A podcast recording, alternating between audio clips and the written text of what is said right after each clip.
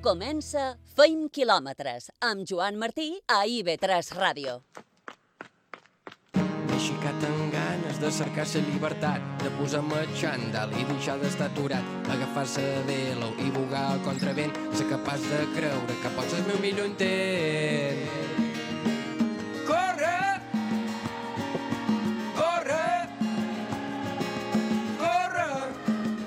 Feim ràdio i feim quilòmetres. Dilluns, 4 de gener, primer programa de l'any.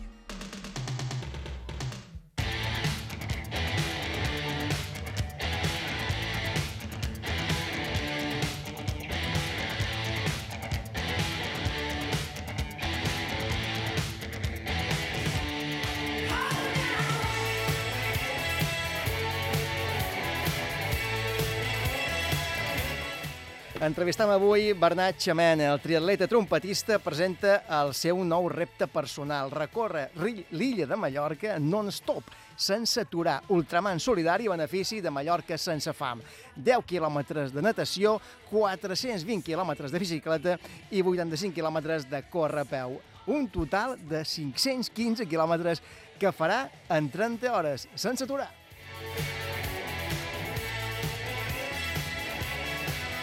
Repassarem també avui l'actualitat de curses, eh, la travessia, sobretot del Port de Maó i les primeres competicions de 2021.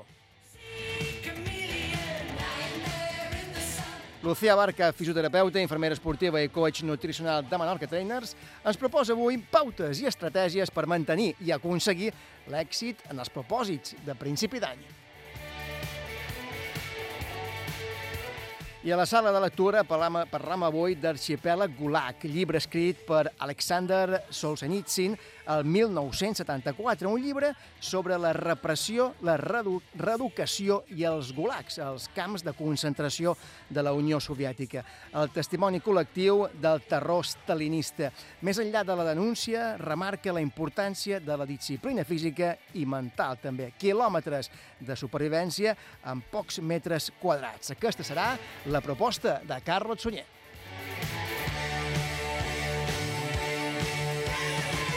Miqui Fioles al control tècnic, José Sallés a la producció i qui us ratlla, un servidor, Joan Martí.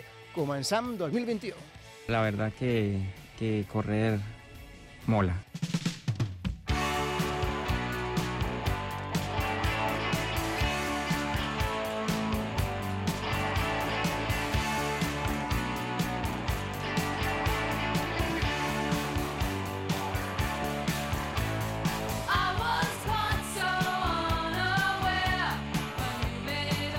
Encetam aquest primer programa de l'any i el primer també d'aquest nou horari i nou format. A partir d'ara feim quilòmetres de 10 o 11 del vespre els dilluns també. Serà més curt, però com vedem la setmana passada, quan us anunciàvem, més intens. Avui, per tant, començam, començam de nou. José Sallés, bon vespre. Hem Bon tingut- vespre, Joan. Hem tingut eh, cap d'any de poques Sant Silvestres, per cert, eh? Sí, malauradament eh, anàvem a córrer, enguany no ha estat escàs. Eh, malauradament, la gran majoria de, de Sant Silvestre s'han suspès per la situació sanitària, per exemple, eh, la 37a Sant Silvestre Ciutat d'Inca.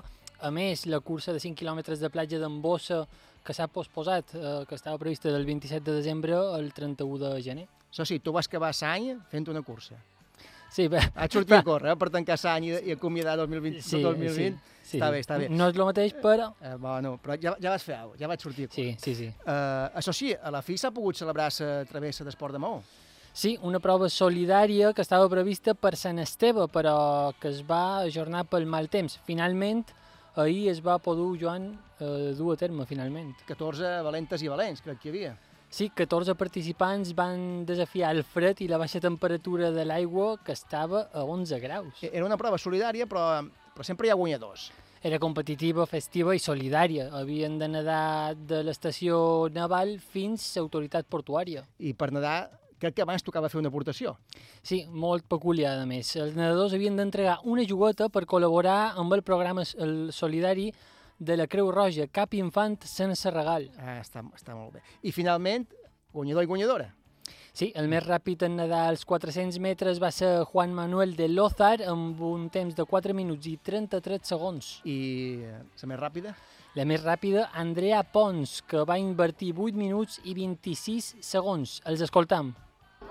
Aquí es tirarse y cuando ya notas el golpe de- del agua fría, no te queda otra que nadar. El tiempo no sabe ni lo que hace, solo es nadar y mirar al final para llegar, corriendo porque, porque hace frío, hace frío. Jo crec que és el fet que més em va motivar a fer aquesta cursa, el, tot el benefici que hi ha darrere pels nens de la Creu Roja, i sobretot perquè cap nen comenci sense cap regal.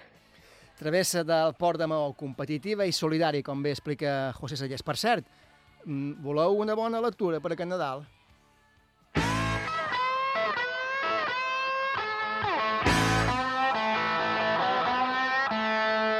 Converses per sortir a córrer.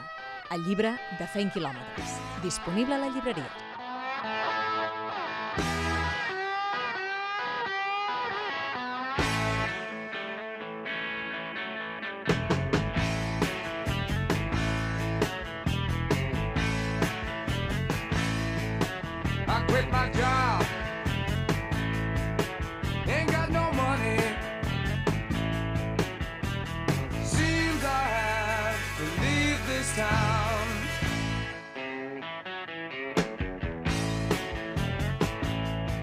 I el primer protagonista de l'any, com ja us comentàvem al principi, en sumaris, té una enorme capacitat i voluntat de superació. En tots, en tots els aspectes de la vida, més. Fins i tot la recerca de la perfecció li ha suposat més d'un ensurt. Eh, El conec bé, el conec molt bé, perquè tinc l'honor d'haver-lo entrevistat moltes vegades durant els darrers dos anys.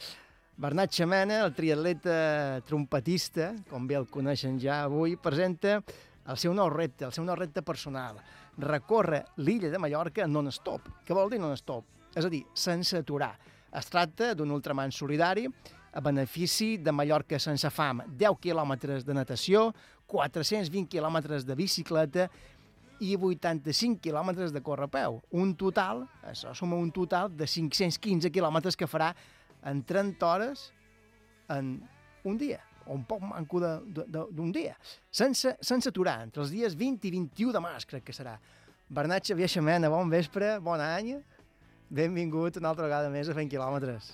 Bon vespre, moltes gràcies, Joan. Com estàs? Has Bon- començat bé? Començat sí, bé, eh? Sí, sí, molt bé. Escolta, Bernat, per esmentar només els darrers èxits, èxits esportius, podem dir que has estat guanyador de l'Ultra Mallorca Man de 2018, mm, cinquè a Ironman de, de Gales, on te vas classificar després per, per el Mundial de, de Hawaii. Ara te prepares un altre repte mm, competitiu, esportiu, no tan competitiu, però també competiràs en tu mateix. Mm, deia abans que te conec bé i segurament que competiràs. Eh, si ho pots fer en 29 hores millor que en 30.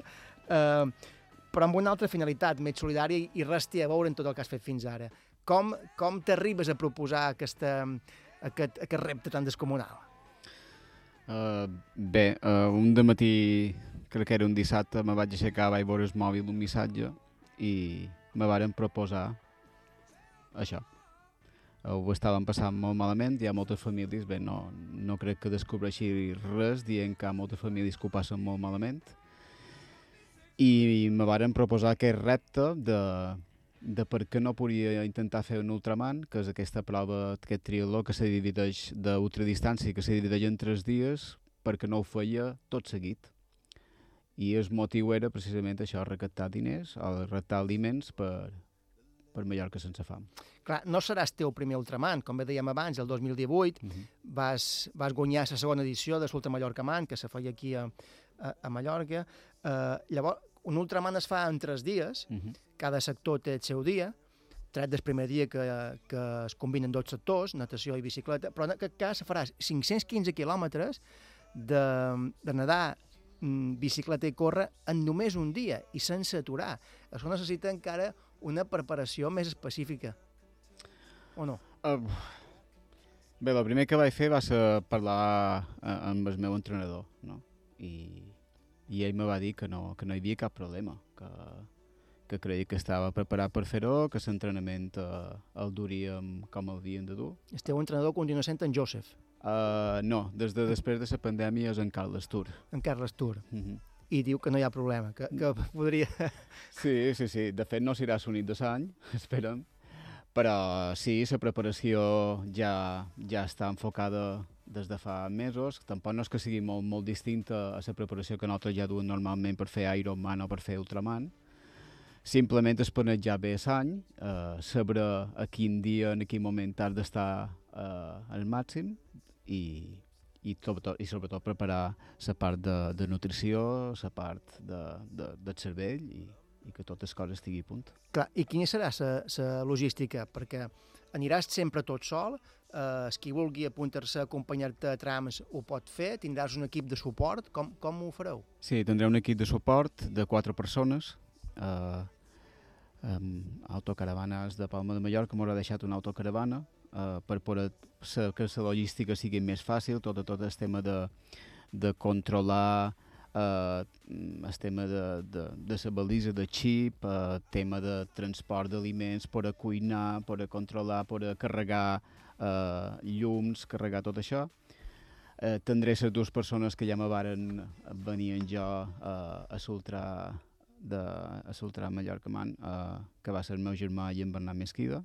I després... Joan Ramon i en Bernat Mesquida. Això, mm. en Joan Ramon i, i en Bernat Mesquida, perdó. I, I després hi haurà dues persones més que duran una, una furgoneta de, de motorissa perquè dins aquest repte solidari, per mitjà de la Felip, intentarem que, com que hi passam per més de 40 poblacions de Mallorca, cada població pugui fer una, una recolecta d'aliments i nosaltres quan passem per cada un d'aquests pobles en la furgoneta anirem, anirem, anirem carregant.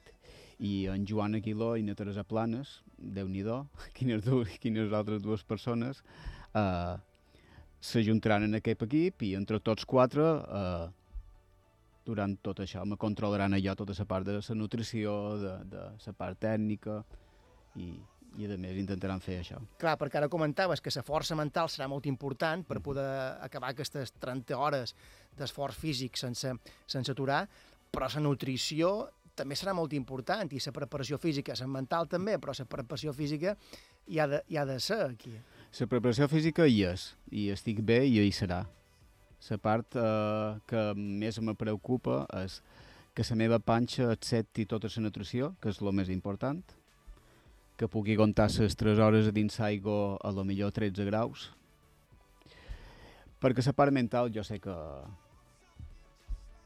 que hi estarà a punt i, i a més ja m'he col·locat una altra cosa que faci de que hi sigui, no? que quan passem per, per Campos, a part de córrer, que faltaran 10 quilòmetres per acabar, eh, quan arribem a Campos farem un petit homenatge recordant-se en el meu amic, en el Bartomeu Cifra. Mm -hmm. eh, I això encara m'ajudarà més a que, eh, a que hi sigui, no? que, sigui, per tant, aprofitaràs aquesta Ultraman eh, solidària, mm -hmm. o solidària, per fer també un homenatge a en Bartomeu Cifra que ens ha deixat aquest any, no? Sí, perquè ell és una persona que, que ens ha ensenyat molt en vida per la seva humilitat, per la seva bondat i sobretot ens ha ensenyat en vida tot el que va lluitar perquè tenia moltes ganes de viure, no? I només per què és fet, eh, això me... Sé cert que ell estirà molt content de seguir allà on sigui i això m'ajudarà a que arribi allà on hagi d'arribar, no?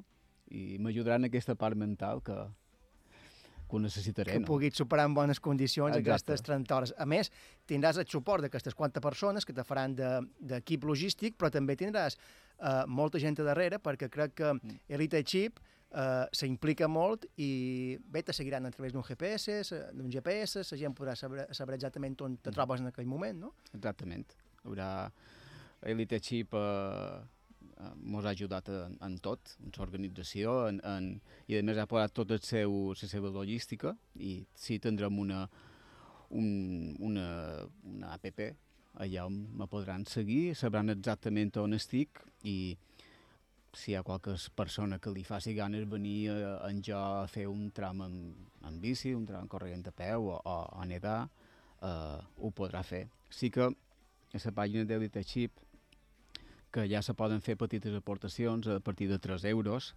també demanen si li fa ganes venir i en quin tram li agradaria venir més carreres per tenir un poc de, de control, ja que estem en, en estat d'alarma, i saber un poc perquè tampoc voldríem que hi hagués... Eh... Aquí volia anar. Mm, qui vulgui col·laborar, com ho pot fer i des de quan ho pot fer? Des d'ara ja poden començar? Sí, ho pot fer de tres maneres distintes. De partir d'ara, eh, si va a la pàgina d'Elite Chip, se'n van en el repte i és igual que apuntar-se a una cursa, com si jo volgués participar a una cursa i te demanaran pas a pas I poden triar el tram que volen fer. Poden Si algú triar- vol nedar amb tu, pot nedar també. Sí, poden escollir un, un, un, si t'agradaria nedar, si t'agradaria anar amb bicicleta o córrer, o si no t'agradaria res, simplement, i poden fer una aportació de, de 3 euros, des de 3 euros el que vulguin, i, i també poden, poden adquirir una samarreta de, de, de repte per, per, per 7 euros. L'altra manera de- d'ajudar és a qualsevol dels supermercats de la cadena Hipercentro, que també estan superagrits. Hi haurà, no d'ara, però aviat, hi haurà un petit espai en aquest repte i allà podran deixar aliments mm, eh, que, els que hi vulguin. I A part des que després anireu recollint Exacte. eh, en els pas de pobl- eh, mentre passeu per les poblacions, no? Exacte. Per municipis, que crec que són 40 i pico, no? Són 40-41, una cosa així. Uh, perquè hem fet la part de ciclisme, bé, nedaré a Porto Colom, la part de ciclisme començarà a Porto Colom i donaré la volta sencera a Mallorca i quan torni a pa- a prop de Porto Colom haurem de fer un tram més cap a l'interior de Silla, perquè clar, han d'arribar a 420 i uh, uh, a Porto Colom tornaré a canviar i començaré a córrer i faré res cap en el sud, passant per, per Santanyí, i pa- passant per Calònia. Bé, recorreràs tota Mallorca, ne- ne- gairebé nedant, Sí, eh, sí, sí. nedant Port de Colom, no sortiràs de Port de Colom, però No. durant 3 hores, però després entre la volta, eh, sí que faràs la volta en bicicleta a Mallorca, Mm. i després aquesta doble marató de, de, de córrer a peu. Me comentaves ara, abans d'entrar, que aquest, eh, això serà dia 20 i 21 de març, Mhm. eh, començarà la primavera amb aquesta, amb aquesta amb aquesta bogeria, per dir de qualque manera, eh, solidària, mm, però que és només la primera prova d'una sèrie de tres que faràs durant l'any, que ja tens més o manco que marcades en el calendari, no? Si, Sí. si la pandèmia no, no continua suspenent proves o ajornant. Qui, quines són aquestes? Sí, tenc plaça ja donada a l'únic Ultraman sense non-stop que se fa al món.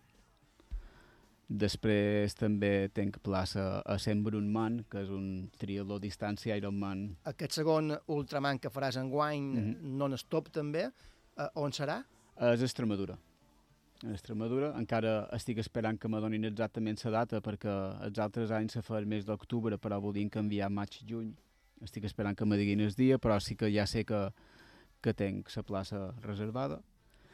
Sempre un man se fa mes de dia 15 d'agost en els Alps. Eh, és un triatló de distància Ironman, però és un dels més durs del món, perquè en bicicleta puges pràcticament 5.000 metres de desnivell i la marató no, no es plana i acabaré l'any a l'Infinity Man, que és eh, una, un altre Ultraman, però aquest normal, que se fa a Castelló eh, el mes d'octubre. Per tant, a partir del dia 20 de març i abans de que acabi el 2021 hauràs fet tres ultramans, Mhm. dos sense aturar, Mhm. el qual vol dir que seran gairebé 1.500 eh, quilòmetres, no?, de, de, de tres, tres ultramans, o, o, o les distàncies canvien. Mm, No, en teoria, eh, la distància eh, de lo que és un Ultraman és aquesta. Eh, 515, en aquest cas. Exactament. Per exemple, els que van fer aquí a Mallorca va ser un poc més llarg, perquè eren 538.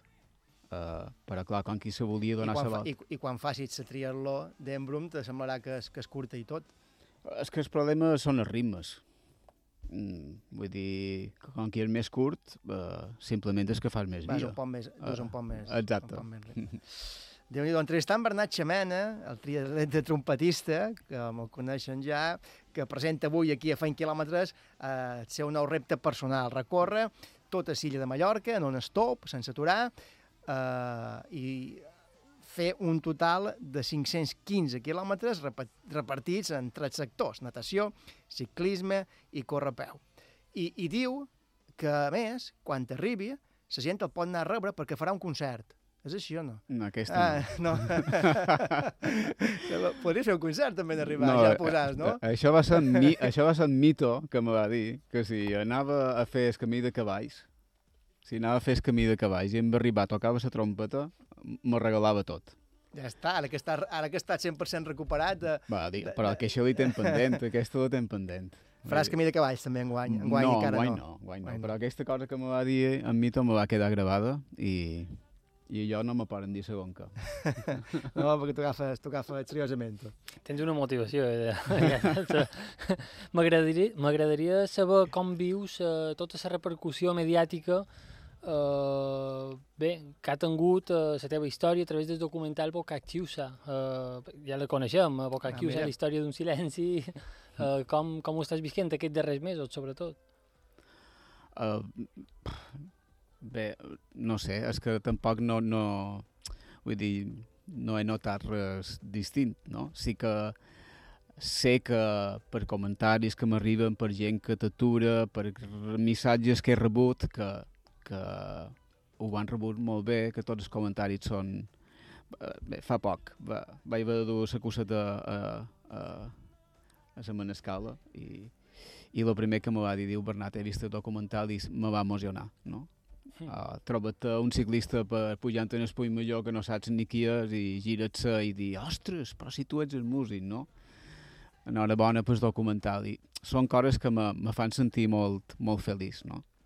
Sí, sempre explicant, de fet, que, que el documental eh, va sorgir arran, precisament, de- d'una conversa com aquesta, de la primera, de la primera sí. entrevista que, Aquí que, empezó que todo. te van fer a, aquí a, a Feint Quilòmetres, arrel de, de que allí que vas explicar que tenies aquest problema, després de fer quart en el Powerman de Suïssa, que vas dir, mm, te vaig convidar, de fet, a Mhm. tocar la trompeta i vas dir, no sé tocar trompeta, i Bernat, com pot ser que no? Mm.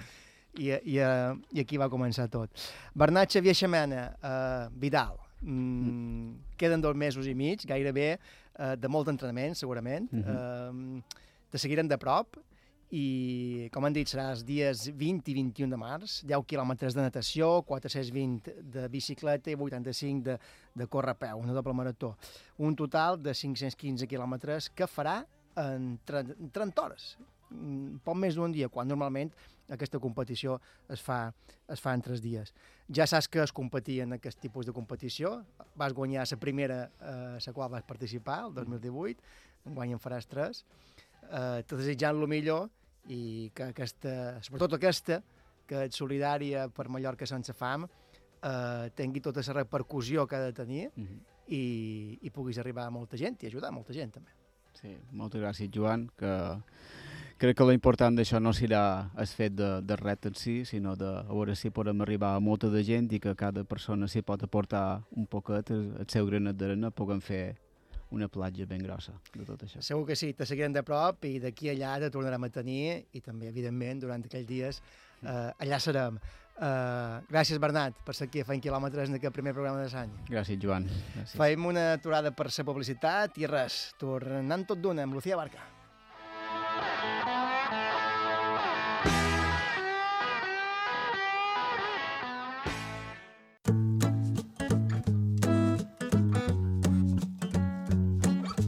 L'avituallament.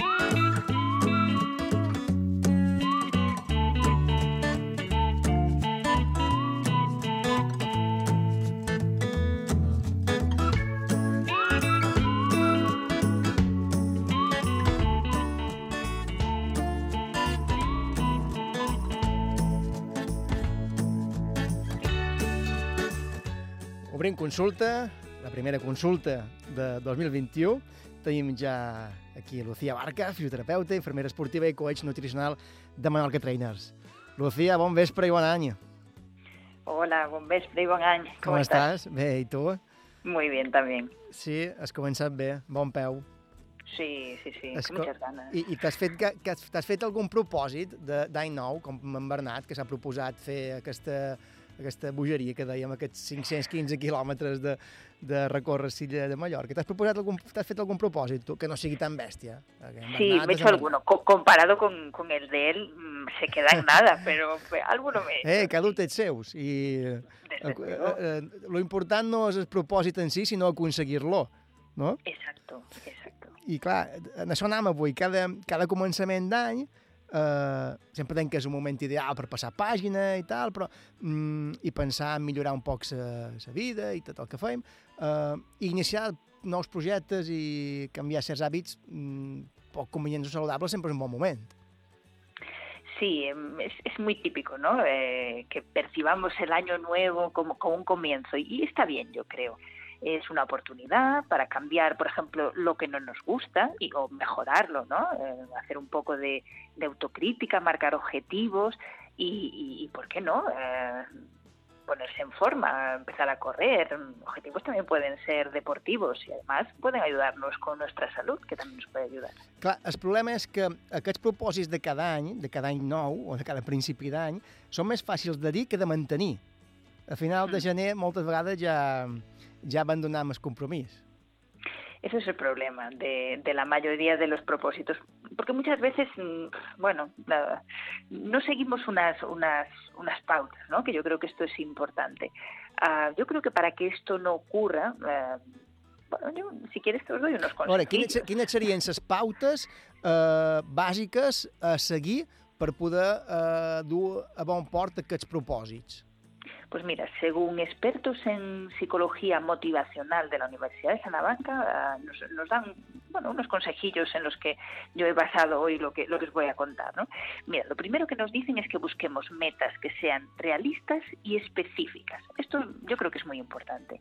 Elegir un objetivo alcanzable. Mm, Esto nos da la oportunidad de planificar exactamente cómo vamos a lograr eh, ese objetivo a lo largo de- del año o del tiempo que decidamos. Por ejemplo, mm, queremos bajar de peso, ¿no? Imagínate que nos sobran 7 8 kilos porque no hemos cuidado la alimentación, eh, no hemos hecho deporte y queremos bajar esos kilos. Mm, Lo primero es plantear un tiempo lógico, es decir, no podemos plantear un mes. Mm, Tenemos que poner un tiempo adecuado para que sea sostenible, eh, conseguirlo y no dañar nuestra salud. Para eso sería recomendable pues mm, una dieta, buscar un entrenador y seguir unas pautas. ¿no? Esto, esto sería para mí una de las cosas más importantes, que sea realista y específica. Luego, mm, otra cosa importante creo que sería concretar y centrarnos en pocos propósitos. ¿no? Es muy frecuente, empezamos el año, voy a poner en forma, voy a correr cada día, me voy a apuntar a inglés y además voy a hacer yoga cada mañana. A veces la agenda no acompaña y nos sentimos desbordados. ¿no? Marcar pocos objetivos y a medida que los vayamos logrando, marcamos más. ¿no? Yo creo que, que eso es, es, es muy importante también para que no los terminemos por, por dejar. No? Clar, i, sí, I també és cert que qualsevol moment és bo per iniciar un propòsit o un compromís. No és necessari que sigui principi, a principi d'any, però que sí que l'iniciem, sí que són, són necessaris que, o està bé seguir aquestes pautes bàsiques. Exacto, cualquier momento es bueno, ¿no? Porque ahora también se hablaba mucho, bueno, los propósitos de Año Nuevo se pueden hacer en cualquier momento, desde luego. Pero yo creo que si la gente se motiva con el Año Nuevo, tampoco está mal, ¿eh? Que mientras sea un motivo de mejora, mm, cualquier momento es bueno. Havien dit, Ah. havien dit dues pautes, meta realista i específica, concretar i centrar-se en, en, en, en pocs propòsits que puguin ser eh, realitzables. Ujú. I quina seria la tercera pauta? Quina seria? Pues yo te diría comenzar poco a poco, no tener prisa. Mm, Hacer un cambio en nuestros hábitos eh, necesita tiempo, sobre todo si es un cambio importante. Este ir poco a poco nos ayudará a alcanzar la meta, que será más fácil ir incorporando esos pequeños hábitos que hacer un cambio radical que, que nos suponga mucho más, más esfuerzo. Yo creo que esto también es interesante. Luego también te diría, mm, pues bueno, un poco aprendizaje, ¿no? Evitar la repetición de, de errores mm, que hayamos cometido en el pasado, ¿no? Intentar una y otra vez lo mismo sin resultados, mm, pues supone que la confianza en uno mismo decaiga, ¿no? Pero eso em, es importante evaluar qué falló las veces anteriores hacer un planteamiento diferente, ¿no? Si empiezo el año y mm, me apunto al gimnasio, voy una semana seguida, me echo daño y lo dejo y ya me ha pasado una vez, pues este año voy a plantearlo de manera diferente, ¿no? Igual tengo que pedir ayuda a alguien para que me guíe, para que me asesore y plantearlo de otra manera. El aprendizaje yo creo que es interesante también. Ah, y luego, mm, otro punto, yo creo que sería recordar que el cambio es un proceso. Y estos hábitos que ah, queremos cambiar, pues llevan tiempo formando parte de, de nuestras rutinas. Mm, Y algunos hemos tardado años en, en desarrollarlos. Ah, y cambiar estos años, estos hábitos nos va a llevar un tiempo. Y, y es necesario estar eh, concentrado en esto, tenerlo presente para no rendirnos. Mm, Es decir, no tiene que ser cosa de un mes. I no abandonar tampoc quan, per alguna cosa eh, hi ha un contratemps, no? Exacto. Y mira, esto viene ideal para el siguiente punto, que yo te diría que sería no dejarse vencer por un pequeño desliz, ¿no? Yo, mm, te doy un ejemplo. Ah, no por no acabar una carrera voy a dejar de correr.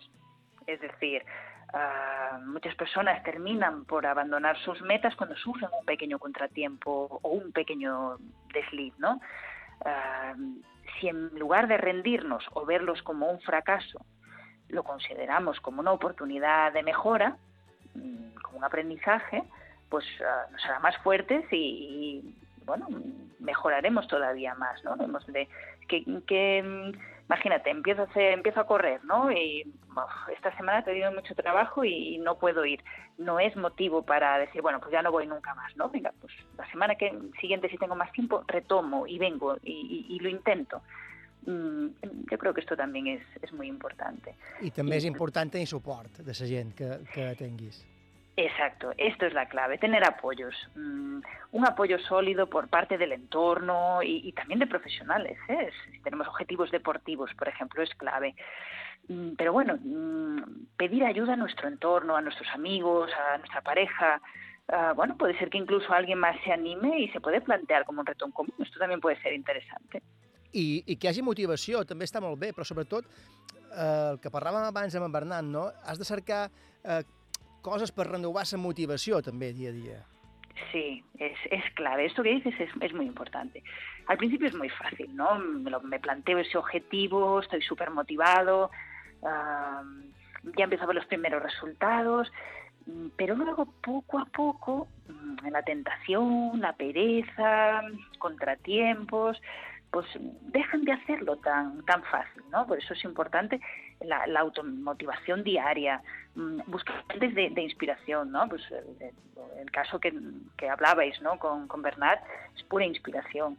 Ah, hacer un seguimiento, hablar eh, con las personas de nuestro entorno, amigos, de, los logros conquistados, ¿no? Y, anotar las reflexiones y las ideas que, nos motivan para, para ese cambio y, y poder leerlas o poder recordarlas cuando el ánimo baje. Eso, eso son, son pequeñas técnicas que, que yo creo que marcan la diferencia y nos van a ayudar a renovar esa, esa motivación.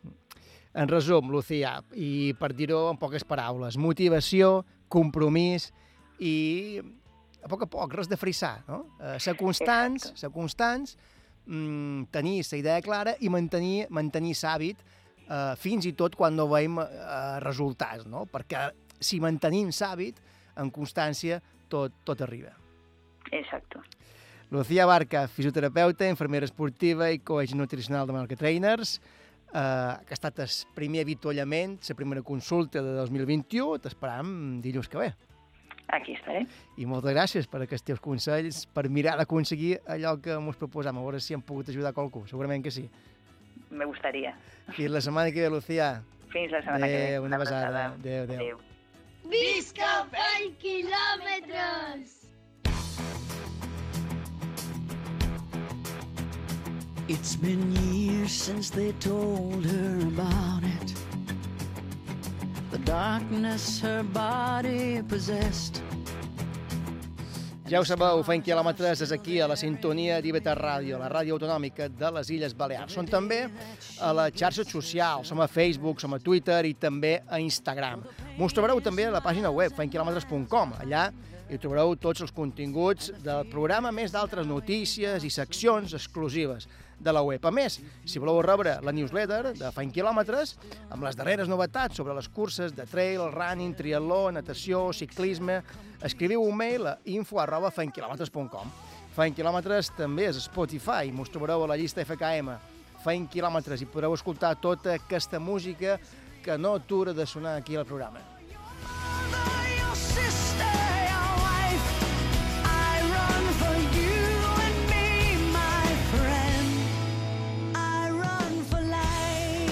D'altra banda, per escoltar el programa teniu diverses opcions. A partir d'aquest dilluns, d'avui 4 de gener, que començam ja una hora més tard del que fèiem abans. Cada dilluns, a partir d'ara, de 10 a 11 del vespre, aquí a la sintonia d'IV3 Ràdio. També ho podeu fer a la carta a través de la web d'IV3 i podeu, ja ho veus, triar i escoltar Feim quilòmetres en qualsevol moment del dia, també a les plataformes iVox i altres similars. Ara sí, feim una aturada per la publicitat i tornant tot d'una amb la proposta de Carlos Sunyer, que com sempre arriba amb una proposta molt interessant. Avui, quilòmetres de supervivència amb molt pocs metres quadrats. Ara tornem. for a soul.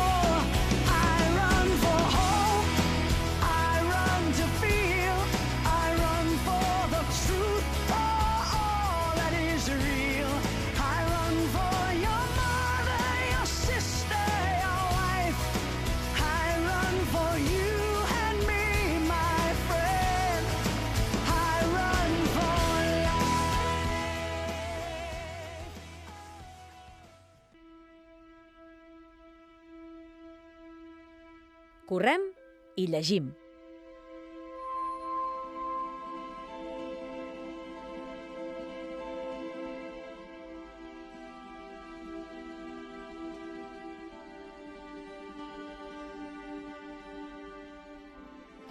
Entrem avui ja a la sala de lectura amb una proposta literària fascinant. Carlos Sunyer proposa avui la lectura d'Arxipèlag Gulag, escrit per Alexander Solzhenitsyn eh, l'any 1974. Un llibre sobre, sobre la repressió, la reeducació eh, als camps de concentració de, de la Unió Soviètica, de la Unió Soviètica. Carlos Sunyer, bon vespre, bon any. Bon any, Joan. Bon any. Benvingut un any més a Feint Quilòmetres. Un plaer estar aquí. Ja en dos quatre, eh? Uf, I passa ràpid. No sé com ho han fet. Fent quilòmetres. Escolta, Arxipèlag Gulag, d'Alexander Solzhenitsyn. Eh, en primer lloc, mm, en quin context històric eh, mos hem de situar i, i què eren exactament dels gulags? Mira, eh, eh, ho has introduït bé, perquè, clar, quan aquí parlant de fer quilòmetres, de fer esport i fer eh, sacrificis físics i mentals, però és molt important també tenir present tots aquells que fan, eh, es mantenen bé físic i mentalment a llocs tan reduïts, a llocs eh, tan difícils, on pateixen càstigs i turments que fan que la seva capacitat de supervivència requereix un, un mèrit enorme i els en tenim molt en consideració. Què eren els gulags? Gulags eren, eh, degut a la repressió soviètica, unes mesures de, entre cometes, reeducació. És a dir, camps de concentració eren presons a totes les repúbliques socialistes eh, on eh, se suposa que l'empresonat havia de tornar en el bon camí. En Alexander Solzhenitsyn eh, va escriure unes peces autònomes des de l'any 1958 fins 1968 perquè ell ho va patir eh, com un d'aquests empresonats en aquest camp de reeducació. Fixa't que ell va estar a la guerra i fins i tot a batalles molt, molt complicades com la de Kurs. I simplement per unes cartes que enviava un amic on criticava el procediment d'en Stalin, només per això el van condenar a 8 anys. Clar, aquests escrits eh, varen desvejar tots aquest camp de treball i extermini, els mètodes de càstig i confinament, els turments anímics i els interrogatoris, el perpetuum mobile, és a dir, sempre els estaven canviant de camps, ell quasi sempre estava lobinant cap que aprofitaven els seus coneixements matemàtics. I arribar a ser un zec. Què és un zec? Un zec és un empresonat sense drets. Alerta, un zec seria un empresonat a Guantánamo avui també, és a dir, que ens podria fer molt reflexionar. I me fa pensar també en altres seccions que hi hem dedicat a gent empresonada com Papillon, és a dir, gent que, eh, casos reals que havien de sobreviure i esforçar-se física i mentalment. Clar, el tema que escoltam de fons és el tema principal de, de la pel·lícula The Way Back, sí. mm, pel·lícula de 2010, eh, dirigida per Peter Weir. Aquesta pel·lícula narra també la fugida d'un camp de, de reeducació soviètic, de- d'un sí. gulag, no? com, bé, com molt bé explicaves ara. Hi ha relació directa entre arxipèlag gulag i The Way Back? Mira, tot el que tingui relació amb el Gulag, hi ha una relació sempre amb en Solzhenitsyn. Eh, no, no segueix història. de fet, ell no se va escapar. Ell va, va aguantar, va estar... eh, Eren 8 anys i va acabar eh, 20 anys allà dins. Però sí és veritat que agafa molt de, molt de, de qüestions a la pel·lícula d'en Peter Weir eh, sobre l'experiència experiència seva en quant als tipus d'interrogatoris i de turments que patien allà. Um, en aquest cas, no, en aquest cas eh, la fuga és, és, és, és des de Sibèria i l'objectiu és arribar a Himalaya. És veritat que va haver un cas de 10 empresonats que van escapar i van acabar a la Índia. Per tant, se basa bastant en el llibre en quant a com eh, vivien dins aquests gulags, però després aquest altre cas de fuga on no hi va estar en Solzhenitsyn.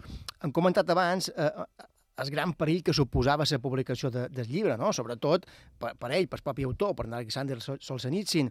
Um, recuperem eh, el documental mm, La història secreta de l'arxipélago Gulag, emès per La Noche Temàtica, un programa de televisió espanyola, eh, que és un documental, per cert, interessantíssim. molt interessant, perquè són les seves experiències, són els testimonis reals que va recollir d'un home que ja abans, en els llibres de Pavelló de Càncer i Un dia a la vida d'Ivan Denisovich, feia clarament una referència autobiogràfica a les seves experiències. Un home que va acabar, ho parlarem, seguint Premi Nobel a l'any 70. En aquest primer fragment de la història secreta de Archipiélago, Archipiélago Gulag, eh, escoltam el mateix autor, Alexander Solzhenitsyn, parlant sobre com va planificar aquesta, aquesta obra. En 1958 empecé a idear el armazón, la estructura del libro, las partes, los capítulos, los temas que iba a desarrollar. Pero me acabé rindiendo porque mi experiencia era totalmente insuficiente. Sabía cuál debía ser la estructura del libro, pero no me bastaba con mi experiencia personal. Me hacía falta una experiencia que abarcara varias décadas, 40 años de terror.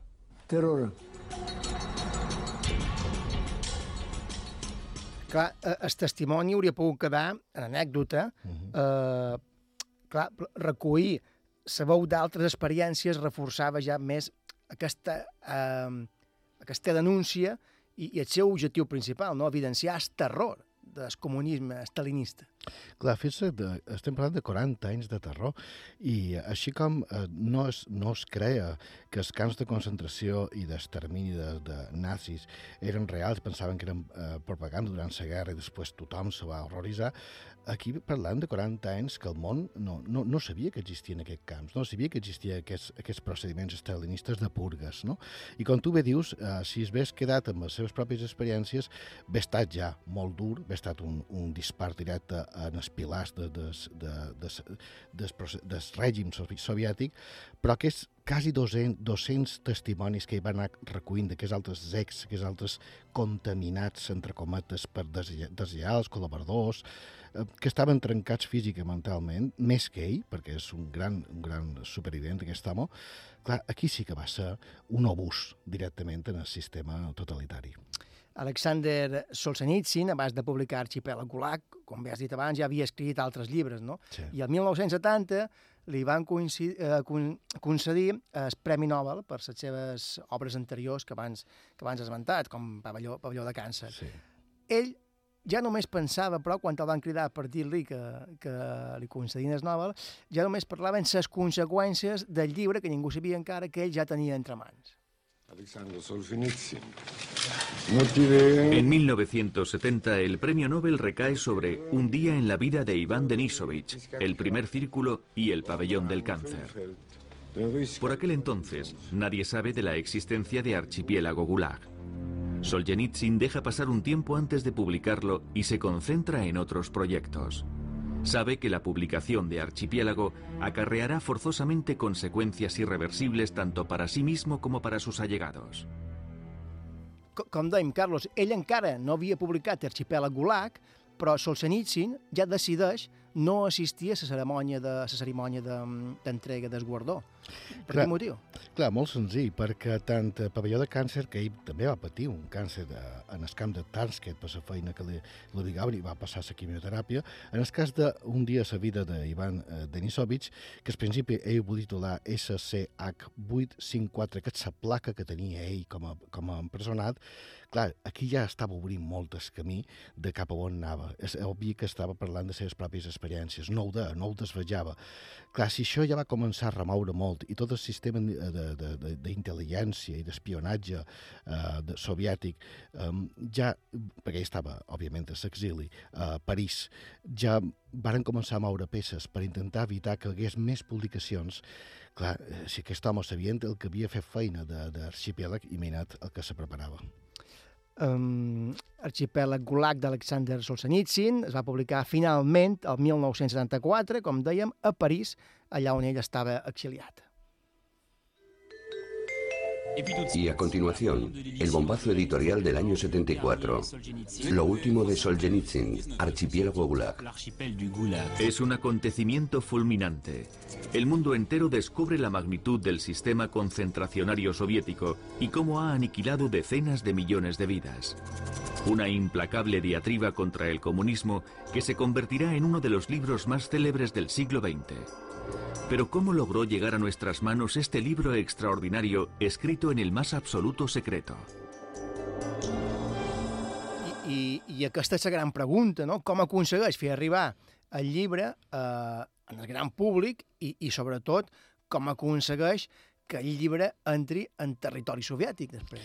Clar, això ja va, la segona part va ser més complicada. Pensa que, que el Servei d'Intel·ligència soviètic varen saber de l'existència molt poc abans de la publicació per uns interrogatoris a una amiga eh, francesa d'en Solzhenitsyn i fins i tot van arribar a segrestar la seva secretària, que tenia una de les dues còpies, un mes abans de la publicació la, i la, la van interrogar un mes després aquesta dona se va suïcidar. És a dir, és de cinema tot el que va passar. I així tot ja era massa tard i, òbviament, es va publicar.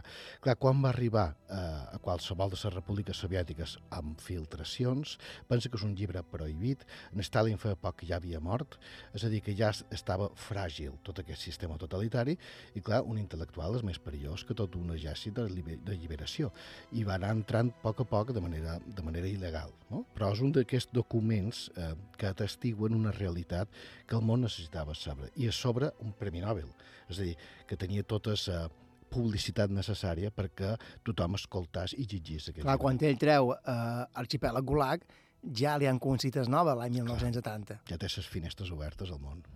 Han comentat que, que ell ja sabia quines conseqüències eh, hi podia haver, de fet, podien ser fatals, no? Podia, sí. podia pagar amb, amb sa vida, el fet d'escriure aquest llibre. Uh, aquell mateix any, poc després de publicar Arxipèlag Gulag, mm, agents dels serveis d'intel·ligència soviètica entren a casa seva a París i passa el que havia de passar. Sí. El segresta. Solzhenitsyn ha sido arrestado esta tarde por agentes que se lo han llevado por la fuerza para interrogarlo. La suegra del premio Nobel cuenta que, tras llamar al timbre, seis hombres se han abalanzado sobre el escritor y, según dice, se han llevado a Alexander sin miramientos. Cuando volvía a casa por la noche para trabajar, todas las radios occidentales hablaban ya de su arresto. La noche del 13 de febrero de 1974, Solzhenitsyn es llevado a la cárcel de Lefortovo, en Moscú. Comparte celda con otros dos presos. Empiezan los interrogatorios. Son las 9 de la noche. Asesinarlo hubiera equivalido a corroborar lo que decía en Archipiélago. Y deportarlo a Siberia hubiera supuesto un incordio más para el régimen. El régimen tuvo que conformarse con el exilio y esperar que fuera muy desdichado en Occidente.